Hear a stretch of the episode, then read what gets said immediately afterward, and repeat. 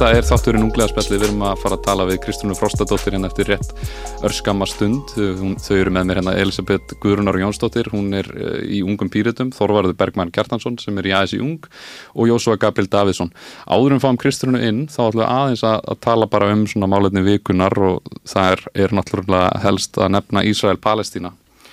Uh, þetta er náttúrulega rillingur sem við erum búin að vera að sjá að gerast. Hvernig er þetta að leggjast ykkur? Já, þetta er bara alveg ræðilegt sko. Mm -hmm. Við hefum búið frákvört að fylgjast með uh, fjölmjölum hvað þetta varðar. Uh, Mér ætti að lesið um að það hafi verið gerð árás á Ísrael þar sem að fólk var nýmist myrst eða drepið en svo hafi verið brúðist við með hernaðar aðgerð þar sem að uh, íbúar Palestínu látast sem sagt mm. og það kemur ekkert fram á hvaða ástæðum það er Þetta er mjög svona slungin einhvern veginn uh, lævísin breyting þarna, mjög skrítin sem að sá á BBC og vísir hefur rappað þetta eftir að, að sko fólki í Ísrael það deyr, nei það er myrt segja ég, en fólki í Palestínu deyr. Og, og það er margir sem er að réttlega að segja núna á lofsingja Ísrael hvað þau eru með háþróðan her og hvað þau reyni að, að dreip ekki óbreyta borgara og, og bla bla bla. En, en raunin er að þetta var hryllilega árásjá Hamas á fjölda fólks saklust fólk sem, sem deyr þarna en, en þá í staðinu verið núna að veita fullan stuðning til Ísraels, Vesturlund að fremja hriðjúverk akkvært Gaza. Þess að þau eru náttúrulega búin að drepa miklu fleiri en, en Hamas náðu að drepa sem er, sem er þessi sama saga, Ísrael-Palestína endalust verið að nýðast á þessu fólki. Já, við, þú veist, þegar maður horfir á það þá er þetta svona pínu eins og eins og þarna ert þú búin að vera að, að berja hundi nokkra áratögi og það hlýtur að koma að því að hann býti þig. Uh, og þú veist örvendingafólk örvendingafullt fólk gerir uh, ótrúlegustu hluti. Mér finnst þessi umræða að snúast alltaf mjög mikið um það veist, hvort það sé hægt að styðja uh, þú veist, görðir palestinumanna og þú veist, nei, þú veist, þeir gerðu þessa árás og hún er hróttaleg og þar með styðja, get ég ekki stutt palestinu lengur. Mér finnst þetta bara að vera uh, raung uppsetning á þessu að því að þú veist hvað þýðir það? Stiður Palestín ekki lengur að því að þetta séu vond fólk? Á það að þýða að, að um, þar með er það allt í lægi að Ísrael sé með uh, aðskilnaðastefnu og þjóðarmórða á hérna, palestinumönnum eða þú veist þú veist, mér, mér finnst, þetta snýst ekki um þetta að velja sér lið og stiður aðgerið þeirra, þetta snýst um það að uh, að það þarf að, að, þarf að stöðva þetta, þessi hérna, þessa uh, mannkins glæpi sem að Ísrael er að hafa á Palestínu. Og mér er þenni sé alveg sama þótt að uh, fólkið innan Palestínu sé þú veist vond fólk, það er ekki það sem þetta snýst um. Og, og það, það verður að hafa í huga í sem þetta að, að land uh, þjófnaður og ofbeldi Ísraels ríkis hefur bara haldið áfram stöðugt og, og náttúrulega orðið grófara undan, undir Netanyahu. Uh, þannig að þetta er ekki að koma einmitt úr neinu tómarúmi og Ísrael neytar að fylgja uh, alþjóðlegum samkommulegum og samningum sem er búið að gera og heldur áfram að brjóta og það er engar afleðingar Fri, Friðurinn kemur ekkert fyrir en, fyrir en hérna, árásum í Ísraelsmanna og þeirra svona föngun á þjóðinni hættir þú veist, við getum ekki á, þú veist, það er rauninni bara þessi tveir valkostir, sérstaklega svona þegar þetta er komið í meiri átök. Þú veist, annarkvort hérna uh, stöðu við uh, þú veist, bara, bara glæpi Ísraels á Palestínu eða við já, lóum hundunum sem beit þig. Og mér líst ekki hjá þániðu stöðu en þá verður að fara í hináttina mm -hmm. Mér finnst þess að margir bara líti á uh, þetta sem einhvers konar hugaleikum í rauninni, bara hver getur tekið uh, svona hreinustu afstöðuna uh, í að, ég veit ekki, fordæma ofbeldi eitthvað, það er rosalega auðvelt að fordæma ofbeldi þegar við sitjum hérna í friðslæsta ríki heims og hérna, þurfum ekki að díla við að það er fólk að stela á okkur landsvæðinu, hreki okkur af heimilunum okkar og, og drepa við okkar fjölskyldu mm -hmm.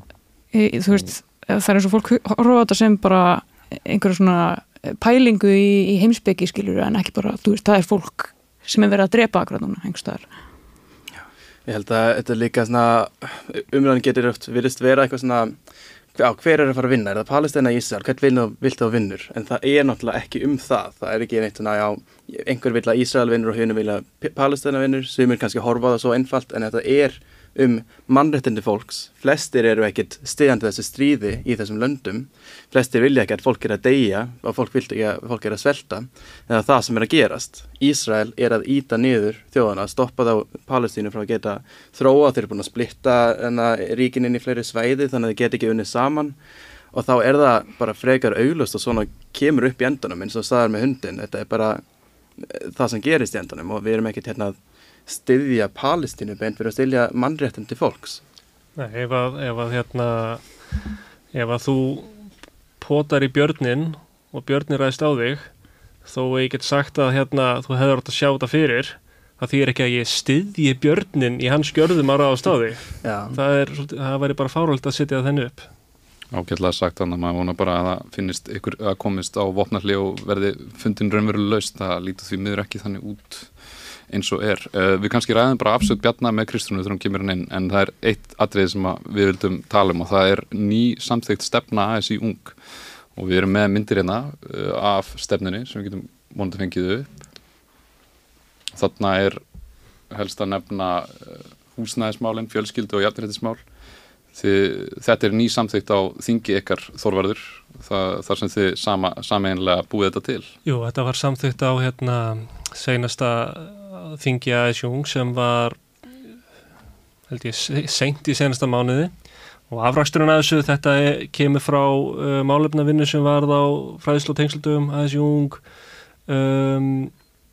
fyrra á árinu. Og svona ávöxturinn úr þeirri vinnu var unnin af stjórninni og síðan með svona loka samræðum á þessu þingi og samtitt þetta Ég myndi segja svona sápunktur í þessari stefnu sem að ég er örgla ánaðistur með svona, svona rótækjasti, safaríkasti punkturinn er held ég punkturinn um hérna uh, samtök leiðenda uh, sem reyndar enda, endar á því að vera orða sem fulltrúa leiðenda en uh, við vildum að um, við vildum að fulltrúar leyenda hafi í rauninni samningsumboð fyrir sína félagsmenn uh, gagvartina leiðusölum bara samkvæmt svipuðum módeli og verkelýsreifingin mm. og ástæðan fyrir því er eiginlega bara það að húsnæðismál er bara svakalega þungur pakki fyrir verkelýsreifinguna til þess að bera og það er alveg svaka batteri bara hjá verkefliðsreyfingunni að eh, reyna að vinna úr þessum svona hagsmunamálum og það væri best fyrir held ég bara alla ef það væru uh, öflug uh, samtök leyenda sem geta uh, dílað við þetta mál þannig að verkefliðsreyfingin getur bara einbett sér að restinni. Einmitt það er sérstaklega í Evrópu og, og víðara þar sem eru sterk leiðenda samtöku þar er hagur leiðenda góður. Þetta helst alveg bent í hendur og, og nú eru eiginlega einn einn starfræk leiðenda samtök á Íslandi og það eru leiðenda samtökin það er þetta skrásið þar á, á netinu finna það eða googlið, ég hvet fólk til þess að gera það. Það er, öðna, það er lítið á döfunni sem er að fara að koma að hjálpa fólki, hvað þetta varðar ungu fólki, leiðendum frá stjórnvöldum þá þarf að þrýsta verulega á þetta. Þannig að það glemði að sjá þessa stefnu En hvað segir þú að fá Kristrúnu inn? Jú, það er ekki bara. Töngum smá pásu og fáum Kristrúnu inn.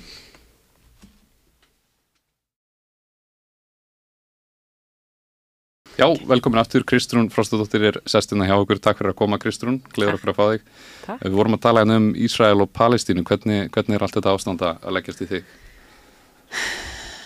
Þetta er bara ræðilegt. Ég held að það sé eina orði sem er hægt að nota til að lýsa þessu. Um,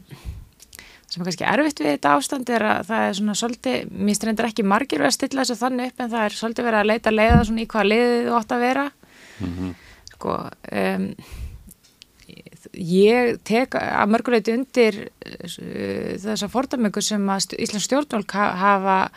hafa hérna, var ekki aðtegla á og það sem aðrir í vestranu samfélagi um að, um að fordama strískleipi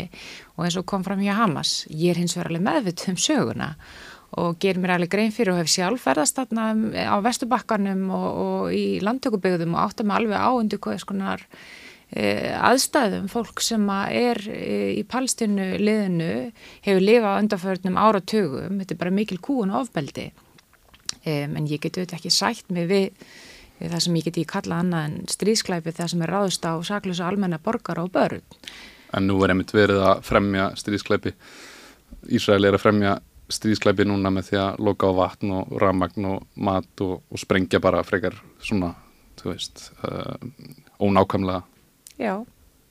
ég menn það er bara alveg rétt e, og ég held að það þurfa að fara mjög varlega í sko allar yfirlýsingar um að styðja Ísrael til þess að að grípa til varna. Það er eitt að grípa til varna, það er að annað að fara í gengdarleysan, eh, segja, hendar hérna ham þegar kemur að uh, saklausum almenningi. Og það vita það allir að sko aðstöðumunin er gríðarlegur. Bæði bara almennar varnir ísæðismanna og svo líka bara yfirlist markmið þeirra uh, sem að virðist hafa harnan og verulega með þessum öfgastjórnum sem hafa tekið við um að í rauninni ganga frá sko palestinumannum staðan á Íslandi er auðvitað þessi að, að sko við vorum fyrst allara til þess að viðkynna sjálfstæði Palestínu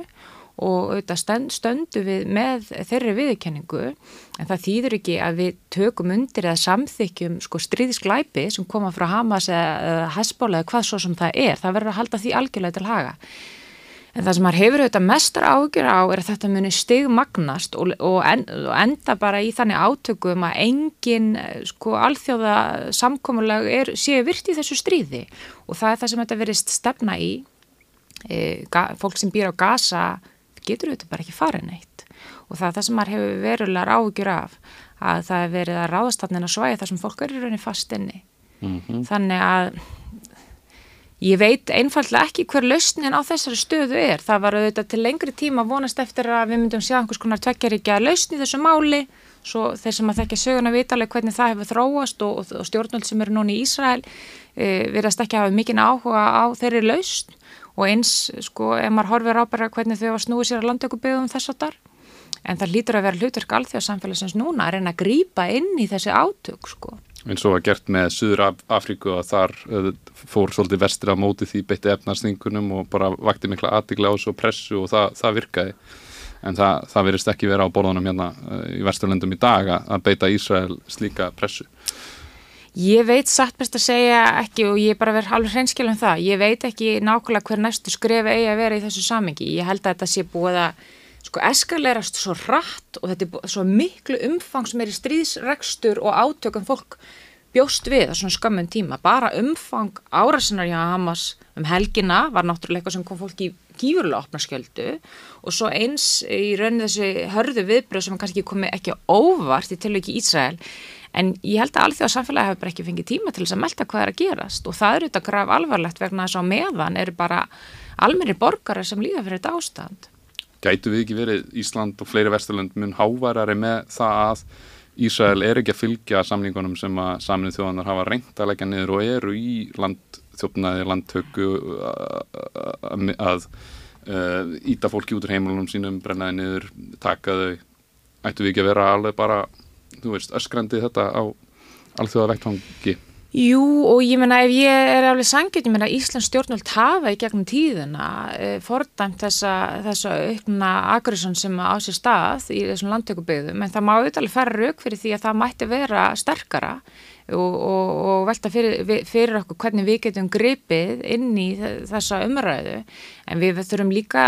að reyna bara að hafa áhrif á allt því að sviðin á breyðari vettvangi núna. Fókusin var náttúrulega til að byrja með mikið á Ísrael eftir helgin af henn að þess að fólki var bara brugðið með þar árás. Ég held að margir af ekki gert sér í huglund að Hamas væri meiri síðan aðstöðu bara til þess að geta framkvæmt svona hérna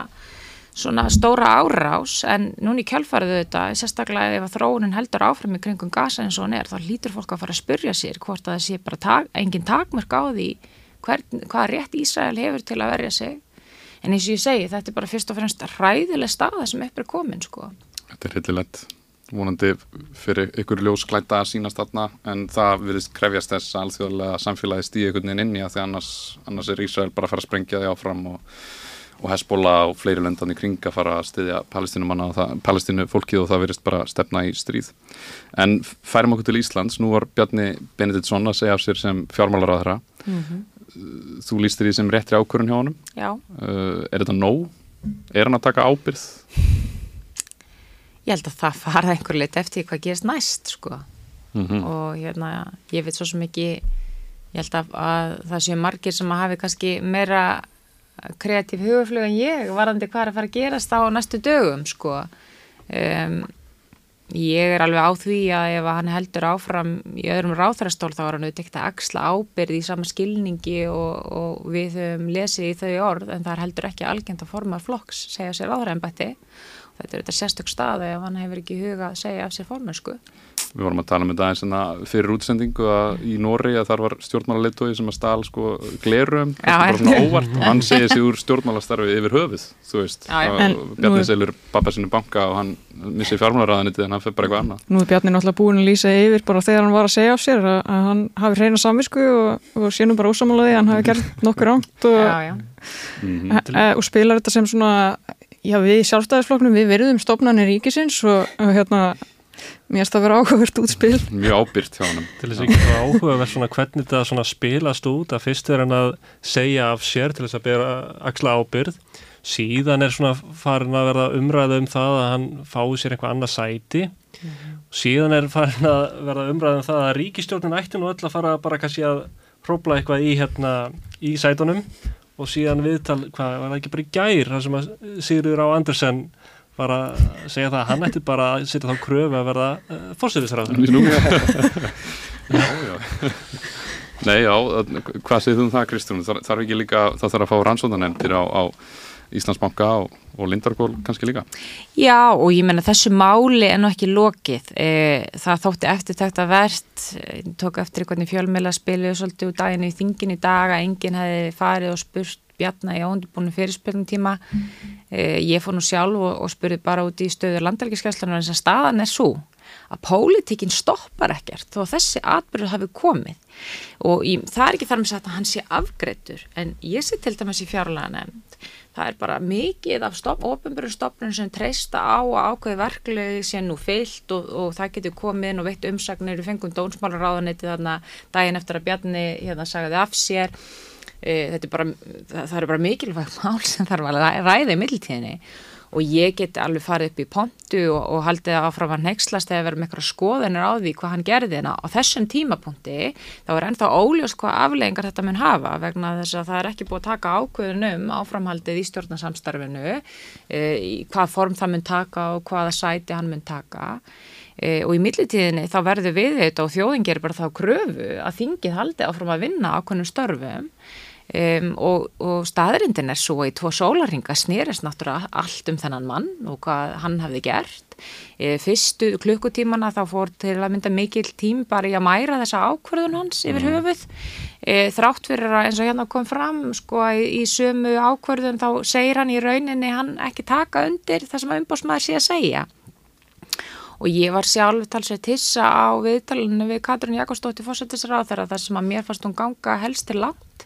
til þess að fegra söguna þegar komað viðmóti þeirra til í rauninni eftirmála sögunar, mm. uh, sölunar eins og hann hefði alltaf verið allur að vilja gerður til að upplýsa allt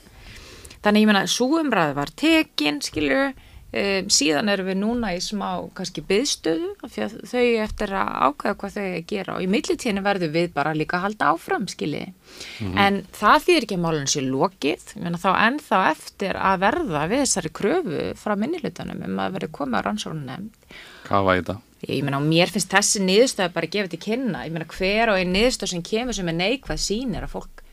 hafði bara ekki hugmynd um hvað var í gangi þarna uh, að minnstakosti svona út af við um, og þetta er bara ekki tröstveikandi að við sem að fá þessa þriðu niðurstöð sem kemur svona illa út. Þannig að þrátt verið að þingi sig ekki upptiki af, af, af hugarfari ráð þeirra sko hverja mínútu þá þýðir ekki málun sér lokið. En mér finnst heldur ekki að koma til greina að þetta stoppi allt þingstarf bara þó að hann, hann hafi tekið þessa ákverðun sko. Já, það líka bara allt í jórnum núna Já, ég menna það er bara meiri, við þurfum að gera meiri meiri kröfur til stofnana hérna, það, í landinu en, en svo að það standi allt og falli með þessum eina manni e, ég tek anþá bara mín hlutverki sem einstaklingi í stjórnarnastu alvarlega og, og, og veru mín í fjárlæðanemnd og þarf að halda fórum að vinna það að vinna. En það mætti allavega að segja að, að þó að Bjarni sé ekki að axla eitthvað gríðarlega ábyrð með því að, að segja svo fjármálaráðunitinu þegar umbósmæður alþingis kemur með neikvæð, neikvæð umsögnum um söluna að þá allavega er hann ekki að fara lengra í svona, hvað, hvað ætti maður að kalla þetta er að væri valdnýðing nýðsla ef að umbósmæður alþingis segir að þetta vera mjög varhugavert ferli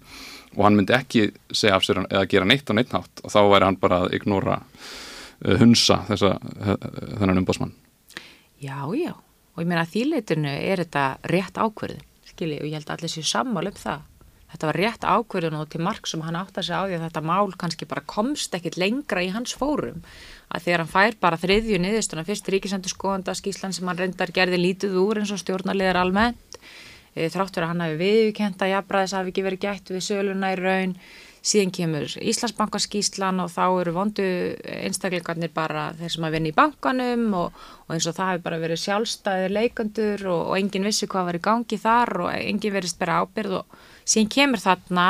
þessi niðurstöðum básmanns og þar er hann auðvitað sérstaklega til tekin og kannski var það svona loka kornið sem fylgdi mælin í þessu En sko það er hægt að fara í alls konar fabuleringar um hvað er í gangi hjá honum og af hverju hann tók þessa ákvörðun. Ég er kannski líklega ekki besta mannskinn til að spyrja út í það. Mm -hmm. eflust hafið þið meiri skoðanir á því eða það eru bara svona forvitin sko en ég meina aðal málið núna er að við þurfum að komast áfram og ef við erum að sigla inn í einhvers konar stjórnarkreppu en þess að þau viti í hvernig þau spila áfram úr þessu þá eru við þetta komin í mjög alvarlegt ástand skiljiði en það er kannski takmarka um það að segja af einstakka þingmönnum á meðan þau segja ekki neitt sjálf sko. mm -hmm. og þarna þarna er mikil reykur sem hefur ítrekka verið staðfest þannig að það væri ansi gott að fá ykkur rannsóðanemndir og fá þetta allt upp á borði bara fá þetta upp í ljósi hvað hefur verið að ganga á afhverjur þessar ákverðinni teknar afhverjur þessir aðeinar að fá að kaupa en ekki hinnir og, og svo framvegs En ef við færum okkur yfir í efnaðsmálinn, þá eru þið búin að vera að kynna í samfélgjengunni þjóðamarkmiðin ykkar í heilbriðismálinn, þið setið það svolítið á ottin. Mm -hmm er þetta, þetta eru aðal atriðin ykkar sem þið myndu vilja koma í verkið? Sko, ég var mjög meðvitið um það þegar ég tók við flokknum á sínum tíma að ég vildi vera bara hreinskilin fólk um hvaða vekkferð við tristum okkur í e, og ég vildi ekki fara þá leið að svona lofa byrja að hópa að skipta sam, samfélaginu endalust og lofa hverjum hópi einhverja staka hluti sem er kannski sumi tilökum var ósamrýmanlegir. Við þurfum auðvitað bara sem jafna að manna flokkur að, að fókus á okkar kjarnagildi skilur um, um, um jöfnuð og, og, og hérna réttlæti og þar eigum við auðvitað við ákveðna svona, hvað ég segja, hópa samfélagsins. En mér finnst að skipta líka miklu máli að við förum í þessu stóru mikilvægu málefni sem snúa velferðarmálunum þar sem að er viða mikil samstæðum það er uh, vilja oft til þess að búa til ákveðin klopning hjá þjóðinni og nú ætlum ég ekki að halda því fram að við eigum eða getum verið sammála um allt en það eru ákveðinir hlutir sem er mikil meir hluti fyrir á Íslandi. Ef við horfum bara á svona pólitíska landslag og hversu mikið fylgi ákveðin flokkar fá Uh, og ég verð kannski hérna gaggrind fyrir að einfalda heiminn svona en þú veist svona hægri stefna er ka taka kannski þriðjunga fylginu mm. flokkar sem eru frá miðjóð til vinstri eru kannski 65-70% skilji og þar er oft breyðar línur varandi velferðarkerfi alveg til staðar þó það séu þetta blæbreiða munur á hversu langt fólk vil ganga í ákveðna átt og ég hef bara sagt að ef að það er svona stór hlut af fólki sem er að kjósa frá miðjóti vinstri, akkur endur við alltaf með ríkistjórn þar sem að það er hægri flokkur sem stýrir fjármarraðanutinu og stýrir þar með velferðamálunum og í staðin fyrir að hérna, mynda málefnagrunn eða keira áfram á hversu ósamála við erum alla staka hluti, getur við farið í breyðulínutnar í þessu tilviki heilbreyðsmálinn sem er eitthvað sem ég fann komið upp á öllum fundur sem ég áttu fólk og reynda að, að draga úr stóru bitana sem að e, eru bara svona grundallar atriði til þess að reka stert aðgengilegt heilbyrðiskerfi við samanustum það, við erum ósamálum stakarluti en við komumst áfram með breyðulínundnar en ég legg áherslu samt á sko, að þó að sumum, það hefur kannski þótt sumar sem áherslu frekar almenna eðlis þá er samt staðarindin svo að mikið þessu er eitthvað sem búið að tala um í mörg, mörg, mörg ár og næst aldrei ekki og af hverju það? Það er vegna að það er ekki vilji til að fjármagna þetta og pólitískustu skilabóði náttúrulega í þessu útspili er fjármagnunarlofar sem fælst í því að við erum tilbúin að segja stætla að sækja tekjur þar sem aðri vilja kalla að hækka skatta og eru þetta bara satt í sömu tilfellum. Þetta þýðir í einhver tilfellum um, gjaldtaka, í öðrum tilfellum breyting á skattbyrði skilju, í öðrum til, enn öðrum tilfellum bara loka okkur glufum í kerfinu skilji. Loka á skattan undan skot. Loka á skattan undan skot en ég hef bara verið heiðilega með það að ég er ekki tilbúin að fara fram með tillögur sem að munu vissulega kosta, þú veist, kannski 20 miljardar, en láta eins og þurfi ekki fjármagna, verðan að það er grunnur að pyrringi held ég hjá þorra almennings, er að stjórnmálmennur sífælt að lofa einhverjum betrum bótum að kerfinu sem er ekkit innistæði fyrir verðan að fólk er ekki tilbúin að fjármagna það sko klárlega þannig, maður hefur séð það bara undanfærtum kostningum bara frá eftir hrunni að það hefur alltaf verið áhersla á það að við ætlum að reysa við velferðarkerfin og passa upp á helbriðskerfið og, og fjármagna innviðina og það er bara trekk í trekk tekið þetta fram en síðan verður ekkit að því og það verist alltaf einmitt enda á því að þau tími ekki að fjármagna það. Er alltaf bara búið aðhald í, í hérna, eh, efnahagsmálum en, en aldrei einhvern veginn leita leiða til þess að auka tekjunar í rauninni. Mm -hmm og risavaksin halli á, á, á ríkisjóð. Ég er með með eina glæru frá uh, ASI mm -hmm. þar sem mhm. þau eru að skoða þróun skattbyrðarinnar og við sjáum að í síðustu vinstri stjórn sem tók við eftir hrun og þá er þarna hækkað skattbyrði háttyggihópana og, og lækkuð uh, hjá láttyggihópanum. Þannig að þetta er raunin að ef, ef við viljum fjármagna velferðarkerfin almennilega að þá er verður að auka skattbyrði þeirra allara ríkjustu og, og á móti er hægt að taka um, og minga skattbyrðina á, á lástjættir og, og vinnandi stjættir. Er þetta eitthvað sem þið munum beita ykkur fyrir eins og samfélkingin gerir þannig? Ég held að það sé bara mikilvægt yfir höfu. Ég menna við skiptum þessu í þessum tillögum sko við móttum eftir að koma kannski með frekari og sína frekari spilin þegar við tökum kjaramálinn betur fyrir eftir jól að því kemur við um tök á því þar að segja að politíska landslæði breytist ekki en þá munum við auðvitað bara hraða þeirri vinnu og fólk er auðvitað með þar hugmyndin og þau er í kollinu en, en við vildum gera það bara svona grúndíkt og í sam, samvinnu við fólki í landinu. En að við erum að tala um Eh, þannan mun sem er til að mynda skattlagningu fjármaks og launatekna og þar á, snýst þetta ekkit endilega bara um að hækka sko, fjármastekjuskattin per se, heldur líka bara að loka glöfum á þú getur verið að telja fram tekjur sem fjármastekjur sem eru launatekjur. Ég meina ein leið til þess að, til þess að koma yfir höfu sko, í vekk fyrir það er bara að gera það jafnvægt í raunin að vera með fjármastekjur og hæstu launatekjur og, og, og þá er hægt að hækka fjármæstíkjuskattin og, og það er ofta ákveð miskymmingur það þýðir úr að fara með fjármæstíkjuskattin upp í 46% þú ert náttúrulega að tala um virka skattin þú greiði fyrst fyrirtækjaskatt eða skatt út af í tegnslu við argariðslur og svo er viðbóta fjármæstíkjuskattur því. En, en, en sem komið er eru við eh, sko talsveit lagri en efsta þrepið Svo þurfum við þetta að skoða bara gæltöku af auðlundunum okkar og, og það þýðir ekkert að tala alltaf bara um eina auðlundagrein í því samingi. Það, þetta ábara við um viða í okkar landi og það þarf bara að gera þetta með sangjörnum hætti til þess að við getum staðundi velferðinni og, og að fólk sem að er býr nálagt þessum aðtunum upplifi að svo renta munu þá líka í auknum mæli standa undir þeirra byggðarlægi. Það er auðvitað mjög mikilvægt að þessum svæðum fólku upplifi eins og það munir líka renna til þeirra samfélags. Svo þarf líka bara að endur sko að tekja skattskerfi á Íslandi og við þurfum bara að standa undir því og ég hef sagt á að vera heðilega með það sem sósjaldemokrati. Ég trú á samtryggingu, ég trú að maður greiði inn í kerfið og maður fá út til því og, og ég trú ekki á því að sannfara fólkum eða það sé rétt að sannfara fólkum að við getum borga fyrir velferðina með að láta efsta eina prosenti borga og eina atunugrein. Það virkar auðvitað ekki þannig. Sko samtryggingin fælst í því að við öll borgum inn en við fáum síðan misjafla út úr kerfin eftir þörf og það sem að hefur gengið ítla hér er að, er að einhvern veginn að taka umræðum skattemdu og almennar svið það sem að við getum átt uppbyggilt samtal um að sko til dæmis þegar batnabætur eru lækkaðar eða vakstabætur eru lækkaðar þá er það í rauninni skattahækkun á láttökjufólk og batnafólk til að mynda og til þess að gera kerfi þannig að það aðlæða sér þörfum hvers og eins þá þurfum við að hætta að horfa bara á sko skattprósenturnar í hverju þrepi og hvað fólk fær út í kerfin í staðin. Þannig að þú getur verið með tvo einstaklinga, báður með 600.000 krónur að mánuði, báður að sama aldri,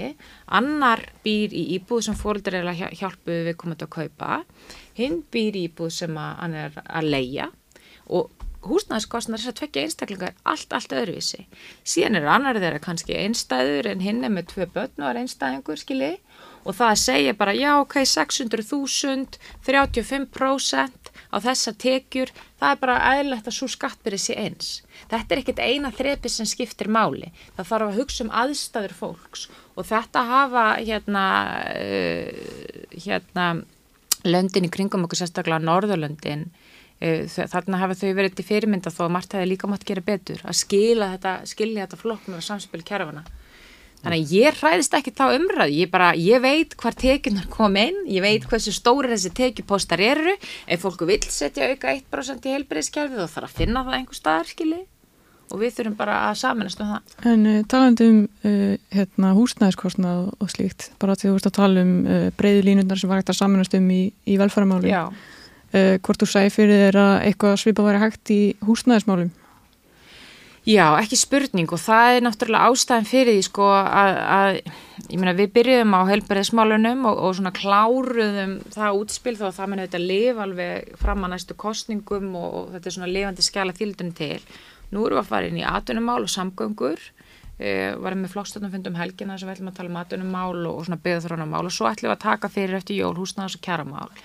vegna þess að þetta er auðvitað einn af þeim liðum sem að allir geta snert á og, og ég held að skiptir rosalega miklu máli að við förum í auknum mæli að eiga bara svona uppbyggilegur umræðu um þróun félagslegs og, og leiguhúsnæðis. Um, ég skil alveg þannig að vilja hjá fólki að vera í eigin eign þegar það upplifur að leigumarkaðarinn er jafn óstabíl og hann er. Og það er bara mjög eðlilegur vilji hjá fólki en í löndum eins og til að mynda Þískalandi og Östuríki þar sem að hefur verið mjög öflug uppbygging á leiguhúsnaði fólk getur bara búið í sömu íbúðinu allar sinna æfi ég menna Merkel kanslari bjó bara í leigu íbúð í Berlín skiljiði uh, og, og, og það er hérna viljið til að horfa með um hætti á uppbyggingu leigu íbúða þá getur það auðvitað undirbyggt miklu meiri stöðuleika á húsnæðismarkaði. Uh, og við erum aldrei að tala um að fara því að það fer oft þessi umræði yfir í að það er bara einhvern veginn að að ríkisvæði allan markaðin sko. Í dag er það þannig að það er í kringu 5% af húsnæðis gráðlega lítið. Já, húsnæðist stokkinu eða hvað segir maður hérna íbúðunum sem er á markaði sem eru með eitthvað svona félagslegu ífaði. Mm -hmm. Og ég held að Vínaborg sé 60% og það er mælist lífanlegast að borg Evrópu. Já, ég menn þannig að þú veist, við erum að tala um sko þegar að eh, verkamannabúrstæðkerfi var lagt neyra sín tíma í kringum aldamótin þá var þetta hlutvalli kringum 11% veist, við erum að reyna að komast í fyrra horf sko. þannig mm. að veist, það, það er alveg óþarfið líka að stilla þessu upp eins og þetta sé allt eða ekkert um, ég vil að við gerum þetta bara í örugum skrefum og það átt að fólku upplifi að þetta sé gerlegt sko Um, og það er engin að gera þá kröf og þú meir ekki eiga eða það sé ekki hægt að byggja neitt annað en þetta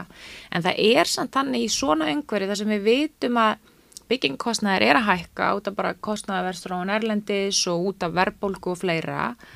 Og hérna við vitum að það er auðvitað bara dýrst að kaupa lóðir og, og, og hérna þess að þar að þá þarf þurfa að vera ívilnum til staðar til þess að byggja hagkvæmt húsnæði á félagslegum grunni. Og þess vegna hefur við í samfélkingunum meðalans tala fyrir því að, að það verði ekki afnuminn eða hafi, það var sérst gert í vorum við vildum komið vekk fyrir að væri afnuminn um, sem sagt undan það frá vaski sem að þessi ógnaðadrifni félögin voru með. Og þá frekar einfalt, við viljum bara þessi hlutvarslega ódurra fyrir þau að byggja hann aðra. En þess að þegar það er ekki nægt vinnafli í landinu fyrir byggingariðina þá viljum við að því sést að stýrt í meira mæli að uppbygging á félagslega húsnæði. Vegna þess að, að sá hluti kervisins, hann er ekki bara hagstæði fyrir það sem þurfa að nýta, hann heldur líka aftur að restina af leikumarkaðinu en það skapar ákveðin svona basa á grunn mm. og ef að leikumarkaðin er haldið í skefjum þá heldur það líka kaupmarkaðin um skefjum en þá er ekki eins hagstækt að kaupa dýrt skiljiði. Þannig að það líka gleymist oft í þessari umræð það snýst ekki um að stjórna öllum sem er á markanum það snýst bara um að vera með eitthvað akkeri sem heldur í leikumarkaðin sem heldur í kaupmarkaðin til þess að koma í veg fyrir að þetta þjóti svona upp. Ef við verðum með 20% félagslegt uh, húsnæðiskerfi eða óhagnaðadrifið að þá myndaði með draga úr leiguverði og líklega kaupverði á öðrum íbúðum á, á markaði. En til þess að aðeins nefnt aftur á skattamálunum að Já. þá, þú, þú segist þér að sósjaldemokrati og ég er sósjalisti þannig að ég vil frekar að við séum sko að reyna að beita okkur að því að þarna, nýta saminlega öðlundunar okkar og framleiðslu færin og, og kannski er þar helst að nefna því þú set, setur áherslu það að fókusa ekki um of á einhverja eina grein sem er alveg rétt þannig séð. En, en þegar maður talar um sjárutvegin að þar vilja sumir greinendur meina eins og Indriði Þorlagsson fyrir hundur ríkiskastjóri að stórútgerðin sé að draga út úr uh, greininni 80% af arðseminni. Þurfu ekki einhvern veginn að uh, að ráðast í að fá miklu meira úr þessum greinum inn í samfélagi svo við getum farið í meira uppbygging á félagslegu húsnaði reist við velferðarkerfið og, og samgöngur og annað. Jú, og ég menna, ég held að, að sko, því ég segi að við að, að, að sko tekju innhemti get ekki byggt á eina prósturina eða einni atvinnugurinn, þá er ég ekki að segja þessi ekki svegrum annars staðar. Þá er ég bara að tala um að sko,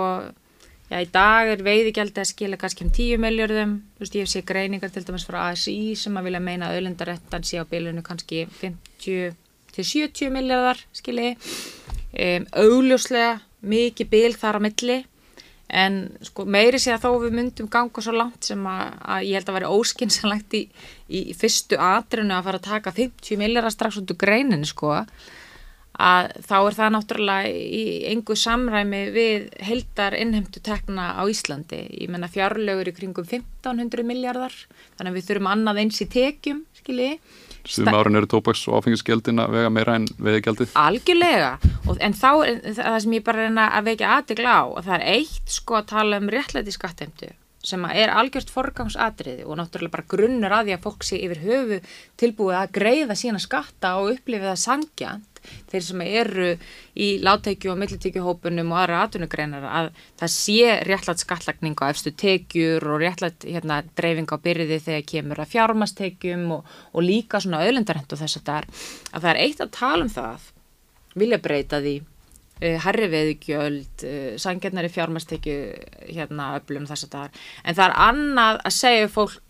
Uh, sjárótvöðurinn getur greitt fyrir velferðarkerfið. Það er bara það sem ég er að segja um, að ef við ætlum að ná inn öflur skattemtu þá þurfum við líka bara að vera stolt að ánað með okkar virðsöka skatt og ánað með okkar tekjuskatt og þess að þar og, og að, skilja það að eftir tímabölum í lífinu þá hefur við mismunandi bólmagn. Sem ungur einstaklingur hefur minna svegrum til að greiða, þannig að þú ert með herri húsnæðiskostnar, þú ert með fleiri börn, e, þú ert ekki komið með mikið spartna, þú ert komið lengra í lífið ef að þér hefur farnast ágætlega, þá stendur betur, aðrir í mismundi stöðu. Þannig ég er að segja við eigum ekki held, við eigum ekki að sko forðast að ræða um tekjuskattskerfið, skilji, sem er svo stór partur af öflun, tekna, um, þráttur við tölum líkum heitt en það er auðvitað svigrum hjá öllundagreinum eins og, og sjáratvið til þess að greiða meira inn í velferðarkerfið. Og þannig eigum við auðvitað líka að tala um þetta, þetta er saminlega öllund okkar og svo renta sem skapast að því að hafa lokað kerfinu um, sem að mörguleiti skilaði gríðarlegu sko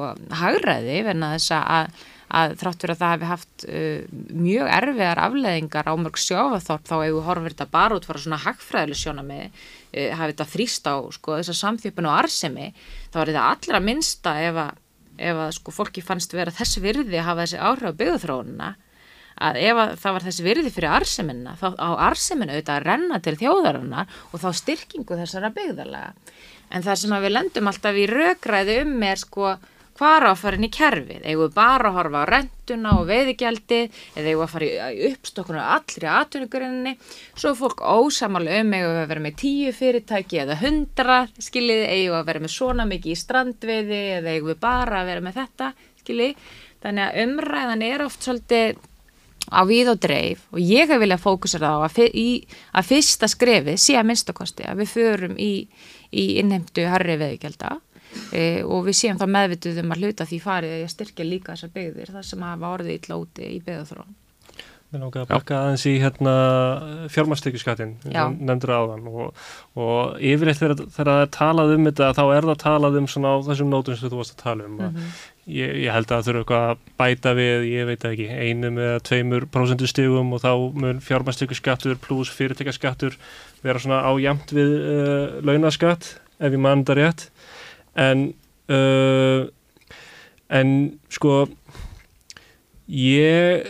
eins og ég horfa á þetta mm -hmm. þá skil ég ekki svona af hverju maður ætti að vera að horfa á eigandan fyrirtækisins og fyrirtækisins sem svona einhvern veginn sama hlut um, þú veist, uh, hver einstaklingur hérna inni, þú veist, uh, þú veist nýtir hinn og þessa innviðið samfélagsins og við borgum inn í þess að samfélagi sjóðu til að halda svolítið gangandi eigandi fyrirtækisins, hann notar þetta örugla bara jafn mikið og við öll hinn en fyrirtæki sem hann á Mhm. það er líka með sjálfstæða uh, nýtingu á innviðum samfélagsins Mhm. uh, gatnakerfið í rauninni í óbeinu erna leikskólakerfið og síðan allt eftirlitskerfið og whatever Mhm. þannig að það ætti alveg að vera sangjant að fyrirtæki sé bara skatlat uh, sjálfstætt Mm. og eigandin sjálfstætt en ekki það samtals sé þetta ekki minna en það sem að hérna uh, launafólk borgar Já uh, Ég verð nú að veikina ég, ég hef ekki heyrt þessa framsetningu þannig ég hef kannski ekki hugsað þetta alveg gegn því svaraðir Mm. ég bara setja hann fyrir að vara á þetta. En hérna uh, sko það er kannski tvent sem ég hugsa þegar þú segir þetta. Annars vegar um, annars vegar almennt sko langar mér að halda mitt smá svona ræðu um að því það er svo oft svo tala um verðmættisköpun og hvar hún er þessi stað. Mér finnst það svolítið áhverð sem mást að segja að fyrirtæki vera að nota ákveðin ramma og, og hérna innviði. Mm. að þetta er svo mikilvæg punktur bara almennt fyrir umræðina þegar það talaði um ríkisafskipti eða setja fleiri lög og reglur eða hafa áhrif á, á atvinnustar sem er svo leiðis. Það mitt gleymist oft þessi punktur sem er að koma fram hérna að náttúrulega fórsönda fyrir því að geta rekið öflugt fyrirtæki og ástæðin fyrir því að mörg fyrirtæki geta blómstra á Íslandi eru innviðir sem eru skapaðar ríkinu. Eru rammi, eru sterkastofnanir, þetta er bara þekkt fyrirbæri þú veist, einn þekktasta bóki þrónarhagfræði Why Nations Fail fjallar bara um þetta. Þú veist, af hverju lönd þar sem eru veika stopnanir komast aldrei áfram í, í þú veist, atvinnurrekstri og uppbyggingu á samfélögum, skilju þannig að það, það sem sjálfstæði punktur er mjög góðu punktur inn í umræðina að það er ekkert sem heitir óheftur og frjáls pjúra markaður. Þetta er allt regluverk sem er skipað hennu ofinbera sem gera það verku að fólk treystu hvort þau eru í viðskiptum og að þýleitinu til er ekkit óæðilegt að þið ofinbera gerir kröfur til fyrirtækja og það finnst mér bara sjálfstæða punktur sem er gott að hafa. Varðandi hvort að hérna, heildar skattlagninga fjármastekjur eigi að hvort maður ekki verið að blanda þessu tvennu saman það sem að fyrirtæki greiður og það sem að einstaklingur fær út úr því. Það sem að ég sem einstaklingur ef ég fjárfesti í ykkur fyrirtæki set hundrakall í eigi fyrir um, e, þá á ég svona eðlulega kröfu með að setja fjármagnum mitt undir að ég fái einhverja arsemi á það, annars myndi bara enginn gera það. Þa, það er auðvitað bara staðrind, ég myndi aldrei setja hundrakallin minn inn í fyrirtæki ef ég fæ einhver arsemi fyrir það. Ég, ég er auðvitað að taka áhættu, ég gæti tapa vissla á því um, en það þarf að vera einhver arsemi að því og í rekstri e, þá færðu þá arsemi að það er eitthvað hagnaðar á, á félagið og áður en sá hagnaðar getur mögulega verið greitur út til mín þá þarf við auðvitað að borga skatt af þeim hagnaði og þá ég sem eigandi ef ég á rétt á hlutu af þeim hagnaði þá væri ég óbeint búin að greiða skatt af því skilu. það er náttúrulega þangagangurinn mm. en veist, ég skil alveg hérna hugsunna veist, þetta er alveg mikilvæg punktur ég held að þetta snúist meira bara um veist, hvernig maður hugsa um um heldaskattnagningu og það er auðvitað ekkert svart og hvít í þessu, ég meina fólk getur alveg tekið þá ástuð að finnast bara að fjármastekju skattur eigi að vera en það herri mm. og ég virði það alveg, ja. en ef við erum að horfa til dæmis bara á hérna hvert við að minnstakosti getum farið og þá staðrind að, í nágrannríkjum okkar þá er passað upp að það sé ekki þetta misvæði í launatekjum og fjármastekjum þá er að minnstakosti sveigrun til þess að hækka það upp í efsta þreipi og þannig í, í því samingi er það, þú veist, finnst mér það bara að gefa auga leið. Hitt er svo meiri kannski svona bara starri hugmyndafræðileg hérna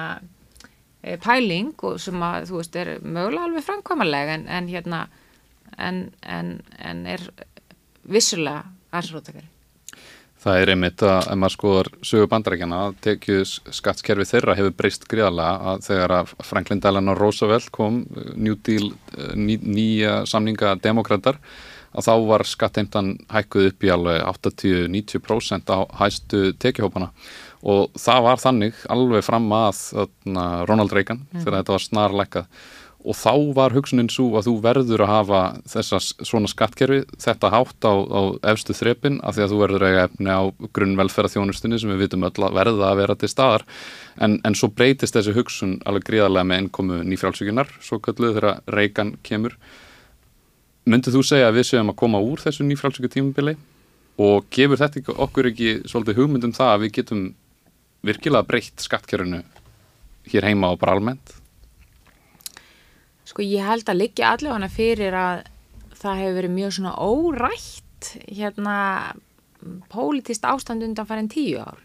Sko uh, það er alltaf margir sem að uh, vilja bara meina og ég held að það sé bara margt til í því að nýfjálfsækjan hafi fallið 2008 við um heim Um, og ef við hefum meiri tíma hérna, ég þarf bara að koma eftir setna þá getum við líka rakið svona hvernig sósjaldemokrater duttu þar inn og fleiri og það var nú líka bara svona trend sem var ekki bara hér heldur í Evrópu og Bandaríkinu við sjáum Bill Clinton og fleiri þess aðla sem var sótt mjög stíftin á miðun og kannski sem við viljum meina hægra til miðju eða hægra megin við miðju. En, en sko á Íslandi ég menna þá tók við, það visslega tók við vinsturstjórn en, en hún hafiði kannski takmarkaðan tíma til þess að hafa sko mjög stefnumótandi áhrif til leng, lengri, lengri tíma þannig að það fór svo mikil orka í að bjarga hlutunum. Það voru vissulegja erðarlegu ofbáslega mikilvæg breytingar sem er oft sko falla í skuggan af erfuleikum á þessum tímum eins og var verið að fara hérna yfir sko sækjarnari skattheimtu og, og hérna og og verið að passa upp á ákveðna hópa í því samhengi. En það var þetta bara mjög erfitt ástand í ríkisfjármálunum það var mjög erfitt ástand bara yfir í samfélaginu sem gerða verkum að verkefnið sem að Eh, svona vinstirstjórn hefði viljað hrinda í framkvæmt og hefði tekið miklu lengri tíma bara eitt kjörtumbil kom, komist kannski aldrei almenlega stað og að því varst að tala hérna sjárótum það átti að gera ákvæmna breytingar til dæmis í sjárótusmálinn sem var erfitt að hrinda í framkvæmt það var vissulega hækkað veðigjaldið sem var síðan lækkað aftur þegar 2013 stjórnum teku við en í kjálfari kemur sem bara svona svolítið skríti tímabil. Þú veist 2013-16 má vissilega fullir að við hefum verið með hægri stjórn með framsvonarflokki og sjálfstæðarsflokki svo gengur vinstir græn vinstir græn inn í það samt, hérna, samtal og, og samstarf sem gerði það verkum að það var svolítið svona óljóst hvers konar pólitík var verið að stunda. En sem við vorum með fósitsráður sem var frá, var úr vinstri flokki en svo varstu með hægri mann í fjármálraðnutinu og nú er ég ekki alltaf að segja að kjósundur þurfa að vera af því að eins og þið vitið eflust sjálf sko, það er ekki allir alltaf stimplaðar hægri vinstri. En ég held að fyrir umræðana um munin á frjálsíkju og félagsíkju og munin á hægri og vinstri og meðju og allt þetta, það hafi þetta kannski sko ruggla svolítið fólk í rýmunu varðandi ákveðnar áherslur og, og að mm -hmm. velja ákveðnan tegund pólitík hvað aflengur það hefur þegar að fórsættisráður er að segja eitt og svo er fjármálraður að gera svolítið annað. Og maður horfir á skattbyrðina bara og þú sér að það er reygin það sem ég myndi kalla hægri stefnu af því að skattbyrðin ekst á milli og lástættir en, en snar lekkar á þau ríkustu. Já, þetta blasir oft hannig við manni að uh, já, vinstirflokkarnir sem að fara í stjórnum með hægri flokkunum að þeir reynilega bara taki undir hægri stefnuna Ég meina vandamáli hefur kannski vissulega verið og þú veist, svo ég, ég fórist nú ekki að svara spurningunni, sko, ég held að bara mikilvægur partur af því og ástæðin fyrir því að ég ákvaða að taka þátt í pólitík er að ég voru þreytt á því að hægri menn ættu fjármálaráðnandi og ættu efnaðsmálinn og að vinstri fólk og hvar smöld staðsita þig á þeim ásik úr miðvinstri eða alveg til vinstri eða þú veist, ég, þú veist mér er svo smáli samið það. En bara þessi velferðarsinnu félagsíkjuflokkar e, forðuðust einhvern veginn það að taka á það sem að margjölu meina séu hörðumálina því það eru efnaðsmálin en töldu einhvern veginn það skipta einhver máli fyrir að tala um velferðina. Og getur ekkert fjármagna velferðina í stað undir þínum og hafi skoðun á efnaðsmálunum og, og ég held að, að það sé hægt að hafa talsverð áhrif ymitt á hvers konar pólitíku stundu í áttam aukinu velferð með því að fólk sem aðhyllist fjölasikju vilji líka stýra fjármálunum í landinu, sína það sé hægt að gera það ábyrð án þess að reyka ríkisjöði hall á þetta snúist um að horfa á tekjulegina líka af því það er mitt var einnig áðan verið að tala um aðhald og þess að það er að það er mitt mikil misklingur oft í umræðinu sem eru auðvitað drifin áfram að pólitík sjálfstæðisflokksins að miklu leiti en því miður núverandi samstæðisflokkar hans hafi tekið undir að aðhald þýði bara niðurskurður. Aðhald sem svona hagfræðilegt e, hérna, orð í, í efnaðis hérna, aðgerðum eru þetta bara aðgerðir sem að dragur umsvum annarkvort á tekjurlið eða útgjaldarlið og það er síðan sko ekki bara einhver hrein hægri vinstipolítik sem, sem að stýrir því heldur líka bara ástandi í samfélaginu. Og ef að þú ert með rétta stýring og ríkisfjármálum þá ætti að vera ánaður að geta haft öll þessi tól og tæki til að stilla af. Til þess ymmit að þú lendir ekki ástandi eins og er mér núna þar sem að þú fær þessa ofsaverbulgu og einu viðbröðum við því er eitt tæki sem eru vextir og leggjast flatt á alla nema auðvitað þá sem að skulda ekki. Þeir borgaða náttúrulega ekkert fyrir þetta. Um, og og þú færið ekkert afslátt á þessum vöxtum eftir því hvort að þú sérst að lágum tekjum eða sérst í erverðstöðun aðri til að mynda vakstabótakerfið er orðið bara ekki neitt neitt, þetta er kringum 2 miljardar á ári núna, þetta er ekki fugglinni fiskur. Þannig að þessi umræða um, þú veist, hérna, einmitt, eh, hérna, hvernig pólitíkinu hefur þróast fram á þessu, þetta skiptir rosalega miklu máli fyrir samingi hlutana. Þetta snýst ekki um að stíga bara inn og breyta um stjórnarfar til þess að fara í ykkur að byltingu, heldur, það er bara búið að tala um velferðarpólitík undir fölsku flaggi vegna þess að efnasmálun hafi ekki eh, spilað með og vegna þess að við erum komin eitthvað stað alveg sem við vorum að tala áðum um skattheimtu það má ekki tala um skatta og það má ekki tala um aðhald sem fælst í að beita öll þessu frábæru tækjum og tóli sem við höfum sem fullbyrða samfélag. Og ég hef oft ekki dæmi um það sko að þróðustu ríki heims með sterkustu stopnarinnar er ymmið þau lönd sem að geta verið með mestur svona smáatriðin í tækinu og tólunum og skattreipunum venast að þau geta borið það ef við horfum til dæmis á Svíþjóð með öll sín skattreip og allt það. Það er í löndum eins og Indlandi þar sem þú þarfst að senda fólki ávísanir og allir fá það sama meðan þú ert ekki með stopnarnir til að fylgja því eftir. Og ég tek þetta sérstaklega sem dæmi að því að hægri menn tala oft um flata skatta og flata og nefnskatta og þess að það sko. Að við hefum auðvitað að fagna því að við erum með starka stopnarnir sem geta tekið með aðstæðan hvers og eins og það verður aldrei breytingir í velferðarmálum nema fólk sem aðlis félagsækju treysti sér og sækist eftir því að fara inn í fjármálaráðanundi og þar með líkur þá þessari svona þessum frjálsíkju tíma sem að þetta staðar ef að, ef að, ef að það eru aðri aðal sem stiga þar einn sko.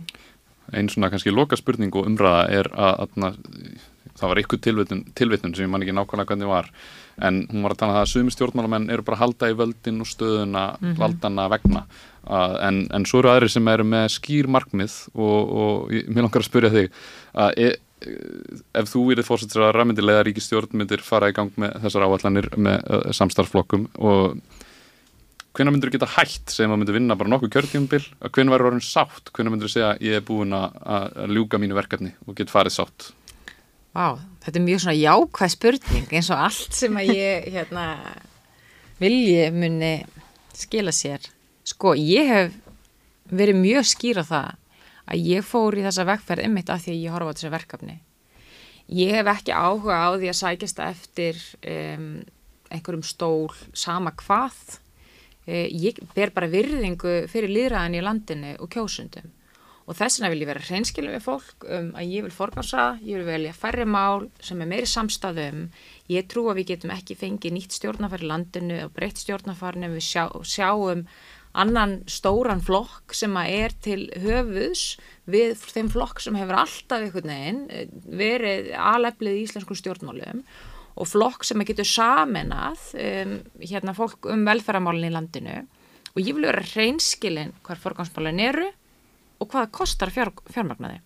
Með því er ég ekki að segja að ég veit ekki að ég mun alltaf þurfa að fara í fjárflokka samstarf ef að ég fæ umbúið til þess og ég mun alltaf þurfa að gera einhverja málamillanir en ég vil að fólku veitu hver ég standi þess að ef fólku vil þetta ekki þá er það líka bara alltaf lægi, skilur við. Þetta er bara, það er líðrað á Íslandi, þetta snýst ekki um mig og hvað ég vil, heldur hvað þjóðun vil og þess vegna hef ég tekið mjög alvarlega þegar ég farið með mínu samstagsfólki í kringulandi og tala um fólk vegna þess að þó ég sé vissulega með gildi og samfélkingin hafi sterk, sterk gildi þá þurfa þau þetta þróast með fólkinu og, og, og sko málum hvers og eins tíma. Og, og þessin er ég að leytast eftir að fá þennan samstöðu grundum verna þess að það sem ég hef upplegað svo, svo skýrt eftir í fórun í pólitík og það kom mér á óvart var hversu lítið traust uh, stjórnmálinn hafa Íslandi. Og fólk trúir ég einfallega bara ekki að stjórnmálamenn me meina það sem þeir segja. Og ég tek það bara mjög mikið til mín um, og mér finnst ég, ég bara upplifið gríðarlega pressu að standa undir þeim væntingum sem eru til dæmis núna til samfélkingarinnar það að við sem að mælast svona hátt er auðvitað ánægjafni ef við sjáum að fylgi er þarna en því fylgir líka ofbáslega pressa að skila af sér því sem maður segist alltaf að skila af sér. Og þess vegna hef ég sagt við gerum þetta í farri skrefum, örguskrefum og ég þarf meira en eitt kjörtíma bil til þess. Hvort að ég þurfi alltaf að vera í brunner síðan annað mál ég tel að mitt hlutverk að undibúa flokkin til þess að vera hæfur til að sinna þessu hlutverki og vera upplöfu samstagsæli með öðrum flokkum sem ég vil mynda í meðvinstri stjórn. Um, en það getur vel verið að það komi tími hvort maður sé eftir eitt eða tvö kjörtumbili eða þrjú, ég veit ekki hvað það er þar sem það liggur bara fyrir. Að segja eins og svo við fáum stöðt þetta umbúð sem að fær náttúrulega ekki draumur og er engan veginn sjálfgefið. Það þarf ekkert endilega að vera ég sem manneskjan sem þurfi alltaf að leiða það samstarf það er segja leiða flokkin veist þetta snýst auðvitað bara ekkert um mig, ég veit að hljóma kannski óhefbundi og ég ekki það einhver stjórnum maður myndi segja þetta snúist allt um hann. En fyrir mér er þetta ekki ennbættið mér hryllir við þeirri tilhugsun að fara inn í eitthvað ennbætti með lofur sem ég veit fyrirfram að eru óframkvæmanleg. Og mér finnst þetta mjög óþægileg tilhugsun. Og þess vegna vil ég frekar segja minna en meira og það kannski skýr það af hverju fólki finnst ég stundum ekki vera nógu rótæk eða segja nógu stóra hluti þess að ég vil bara geta staðið við það sem ég er að segja. Um, en ég held að það sé ótíma bara að segja hversu langu tími þetta er. Um, en ég er alveg sátt við þá stöðu að mín arle verði bara að veist, búa til nýtt stjórnmál ástand, stjórnarfar og, og, og koma okkur í það vekkferð að íta okkur rétt átt. Ég þarf ekki endur alltaf að vera mannskinn sem frontar það. Þetta er bara þannig að koma okkur í þessa átt sem að, sem að Íslandingar vilja, við viljum stert uh, velferðarkerfi, við viljum helbriðskerfi innvið, við viljum að, að það sé jöfnöður á Íslandi og, og þar fram með göttunum og höfum verið svikinum það trekk í trekk frá hrunni Þannig að takk fyrir skýrt svar. Uh, ég held að Elisabeth sem eina auka spurningu það því að þú ert nú ekki land frá okkur í, í aldrið út 88, mótil er það ekki rétt, ég er 95 Já, og við vorum að spá... Ég er alltaf rosalega ung, sjáu til. Þú ert, ennþá, þú ert unglið í unglið. Ég er ennþá í auðjóð, það er mitt félag, ungum jafnaðamenn, ungir jafnaðamenn. Undir 35? Já, maður getur Já. verið 35 ára, það, ég var 35 þessu ári. Síðast árið? Já, hérna áttu þér upp á Pokémon. Sko, ég uh, væri náttúrulega ljúa ef ég myndi halda það fram, ég væri mikið inn í þessu. ég á bann, ég segi bara Pikachu, sko. Vel valið. Kristún Frostadóttir, takk hjá fyrir að koma til okkur í unglega spjallið, við vonum að þið fáum það eitthvað tíman aftur. Uh, gott spjall og bara gangið þér sem best og okkur íslendingum að rétta þetta samfélag við. Við veitum öll hvað við viljum. Takk hjá. Takk.